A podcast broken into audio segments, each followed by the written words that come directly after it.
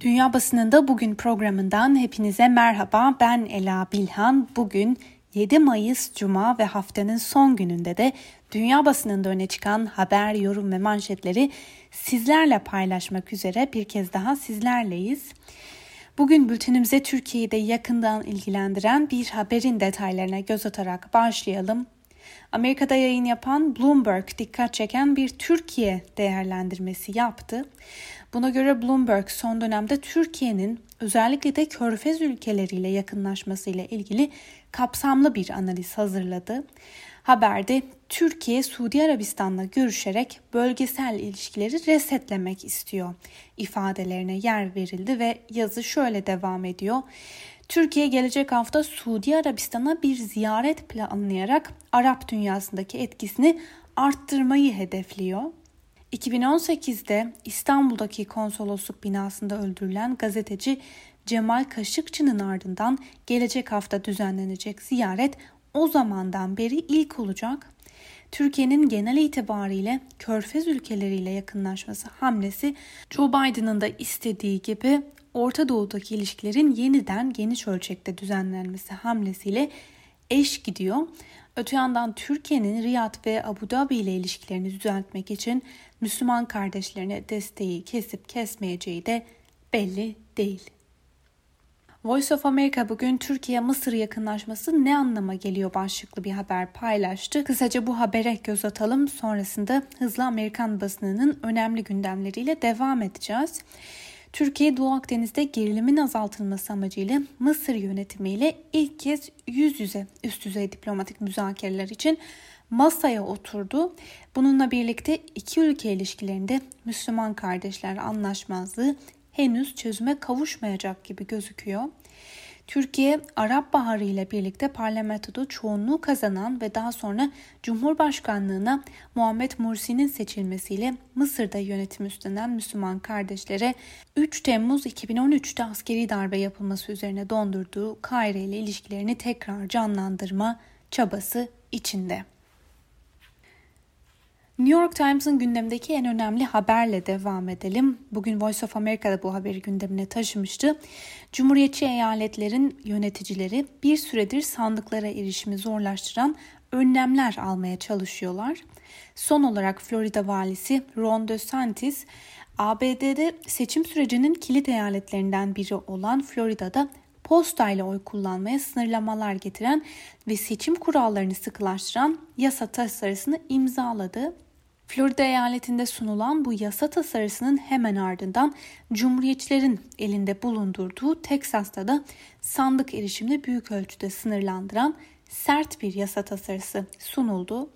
New York Times'ın bu konudaki yorumuna göre Cumhuriyetçilerin bu girişimleri iki ayrı mücadele sahası olarak görülen eyaletlerde Cumhuriyetçilerin çabalarının zirvesini oluşturuyor. Yasayı eleştirenler yeni kabul edilen kısıtlamaların yaşlıların ve beyaz olmayanların oy kullanmasını zorlaştıracağını belirtiyor. Dün dünya basınının ama özellikle de Amerikan basınının gündemine gelen fikri mülkiyetin gevşetilmesi fikrini ve Biden yönetiminin bu girişime verdiği destekten bahsetmiştik. Bugün bu gelişmeler bir kez daha Amerikan basınının gündeminde. Biden'ın koronavirüs aşılarının fikri mülkiyet haklarının gevşetilmesine verdiği, destek verdiğini açıklaması ilaç firmalarını öfkelendirdi demiştik. Voice of America'nın bugünkü haberine göre ilaç firmaları Başkan Joe Biden'ın koronavirüs aşılarının patentlerinin kaldırılmasına destek vermesinin hassas arz zincirini sekteye uğratabileceği görüşünü savundu. Firmalar patent haklarından feragat etmek yerine zengin ülkelerin koronavirüs aşılarını gelişmekte olan ülkelerle paylaşma konusunda daha cömert davranması gerektiğini savunuyorlar. Öte yandan New York Times'ın aktardığına göre fikri mülkiyetin gevşetilmesi önerisi AB ülkelerinde de ele alındı. Fakat aşı patentinden feragat etme önerisi Avrupa'da da zorlu bir itiraz ile karşı karşıya. Avrupa Birliği Biden'ın planını değerlendireceklerini açıkladı ancak henüz onaylamadı. Buna karşılık Almanya net tavrını şimdiden ortaya koyarak bu tarz bir hamlenin aşı üretimini baltalayabileceğini söyledi. Bu haber Washington Post'un da en önemli gündemlerinden biri. Uzmanlar aşı patentlerinden feragat edilmesini aşı tedarik zincirini baltalayacağını sö- söylüyorlar. Oysa ki dünya çapında aşıların dozu arttırılmak isteniyor. Aşılama süreci de hızlandırılmak isteniyor. Bu tarz bir girişim ters teper yorumunu yapıyor uzmanlar. Dünya Ticaret Örgütü aracılığıyla patentlerden feragat edilse bile birçok ülkede aşıların üretilmesi, seri üretime geçilmesi ve aşıların yapılması aylar hatta yıllar sürer. Ve Amerikan basınından bir haber daha. Biden kurumsal vergi oranını %28'e çıkarmayı önerdi başlıklı bir haber paylaştı Voice of America. Şirketlerin ödediği vergi tutarını arttırmak, Biden'ın gelir adaletsizliğini gidermek ve Çin'in yükselişine karşı ABD ekonomisini yeniden yapılandırma planının önemli bir parçası ve dün Başkan Joe Biden 2.3 trilyon dolarlık altyapı planı kapsamında kurumlar vergisi oranını %21'den %28'e çıkarmayı önerdi. Biden'ın bu hamlesiyle cumhuriyetçilere doğrudan meydan okuduğu yorumları yapılıyor. ABD kurumlar vergisi oranı dönemin başkanı Donald Trump ve cumhuriyetçiler tarafından getirilen vergi indiriminin ardından %35'ten %21'e düşürülmüş ve bunun sonucu olarak da birçok Amerikan şirketi daha az vergi ödemeye başlamıştı. İngiliz basınından The Guardian gazetesinin ilk sayfasına göz atalım. Manşete bugün bir uzmanın sözleri taşınmış. Ulusal sağlık sisteminin yeniden yapılandırılması için 102 milyar sterlinlik bir bütçe ayırın.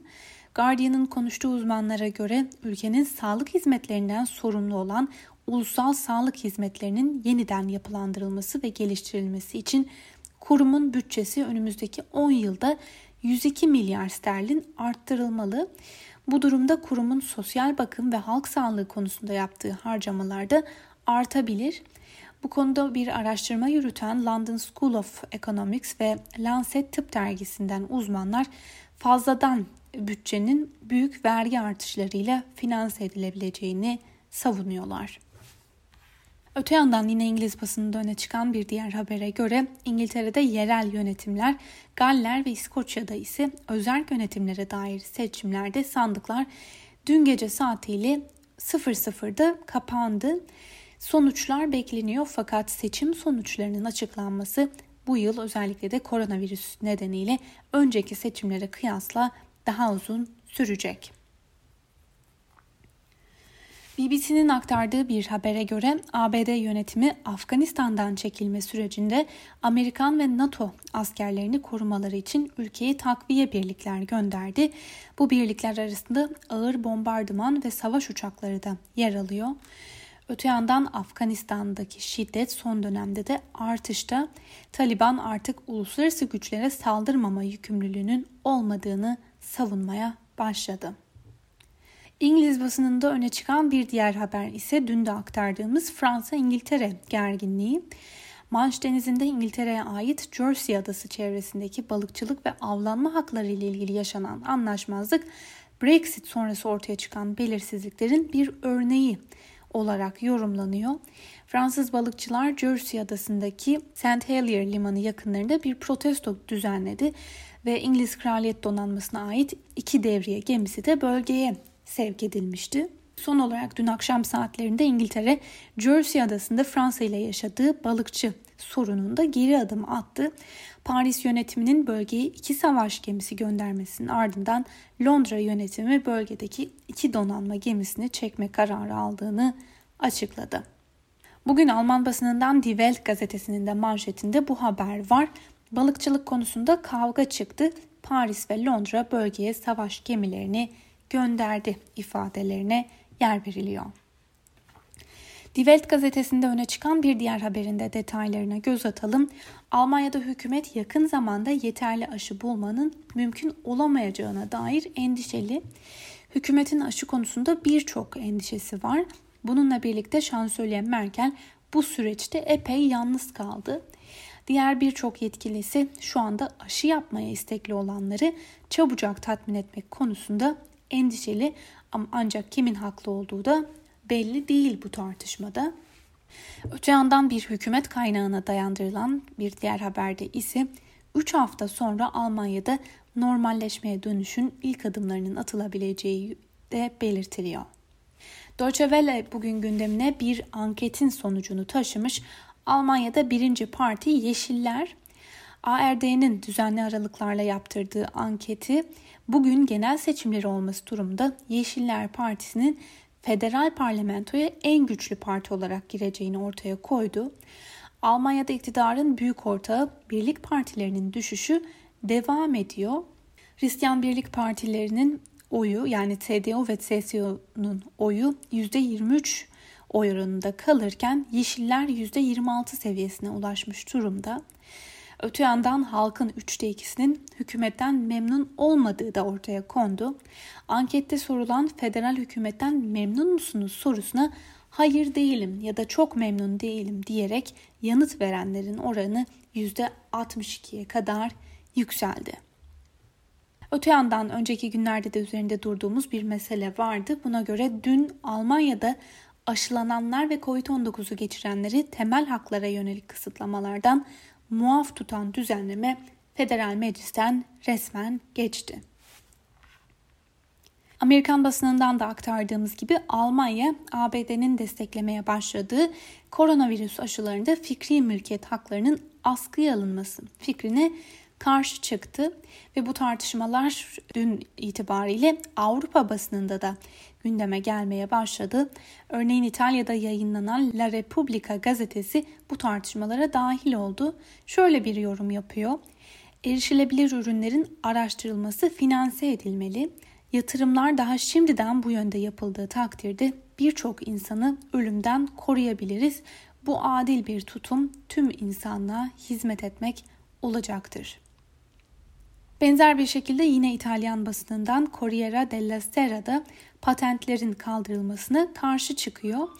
İnovasyon tehlikeye atılmamalı diye yazan Corriere della Sera'ya göre patentler araştırmaları da korumak anlamına geldiği için bu fikre karşı çıkılıyor. Rusya'da yayınlanan Moscow Times'ın aktardığı bir habere göre dünya basınında tartışılan aşı patentlerinden feragat edilmesi meselesine Putin de dahil oldu. Putin dün yaptığı konuşmada teklifi desteklediğini dile getirerek şöyle dedi. Maksimum karı nasıl elde edeceğimizi değil, insanların güvenliğini nasıl sağlayacağımızı düşünmeliyiz. Öte yandan Putin ülkesinde üretilen aşılardan da övgüyle bahsederek aşılarımız aynı yabancılarınki gibi oldukça modern ve kayıtsız şartsız bugüne kadarki en güvenilir ve en sağlam olanlar.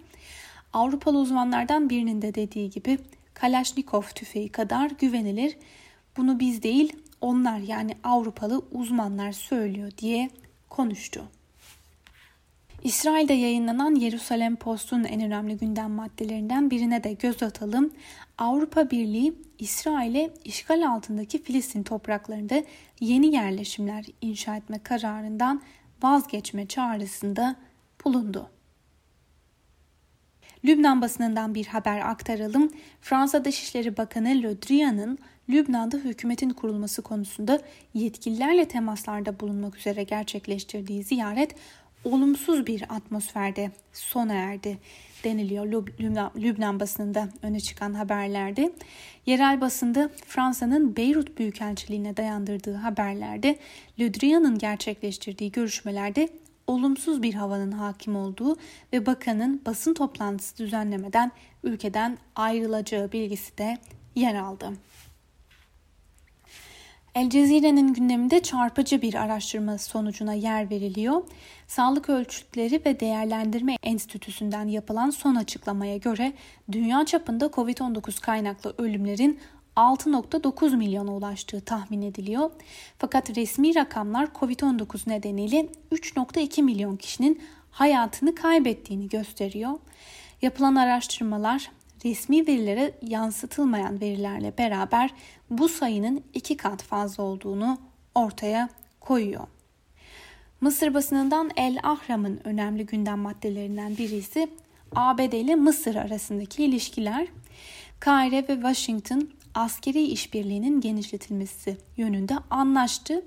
Kaire'deki askeri yetkililer kararı olumlu karşılarken Mısır ile ABD arasında gelişen ikili askeri ilişkiyi yansıtan bir anlaşma yapıldığını dile getirdiler. Haberde bir de şu değerlendirme yapılıyor. Mısır ve ABD arasında son dönemde varılan anlaşmalar beklentileri daha istikrarlı hale getirdi. Böylece Amerikan yatırımları da güvence altına alındı. Ve son olarak Kolombiya'daki duruma da son olarak değinelim.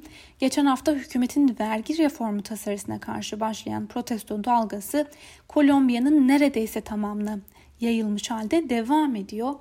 Polis şiddeti ve yaşanan şiddet olaylarında şu ana dek onlarca kişi hayatını kaybetti. Sevgili Özgürüz Radyo dinleyicileri, Kolombiya'dan aktardığımız bu son haberle birlikte bugünkü programımızın da sonuna geldik.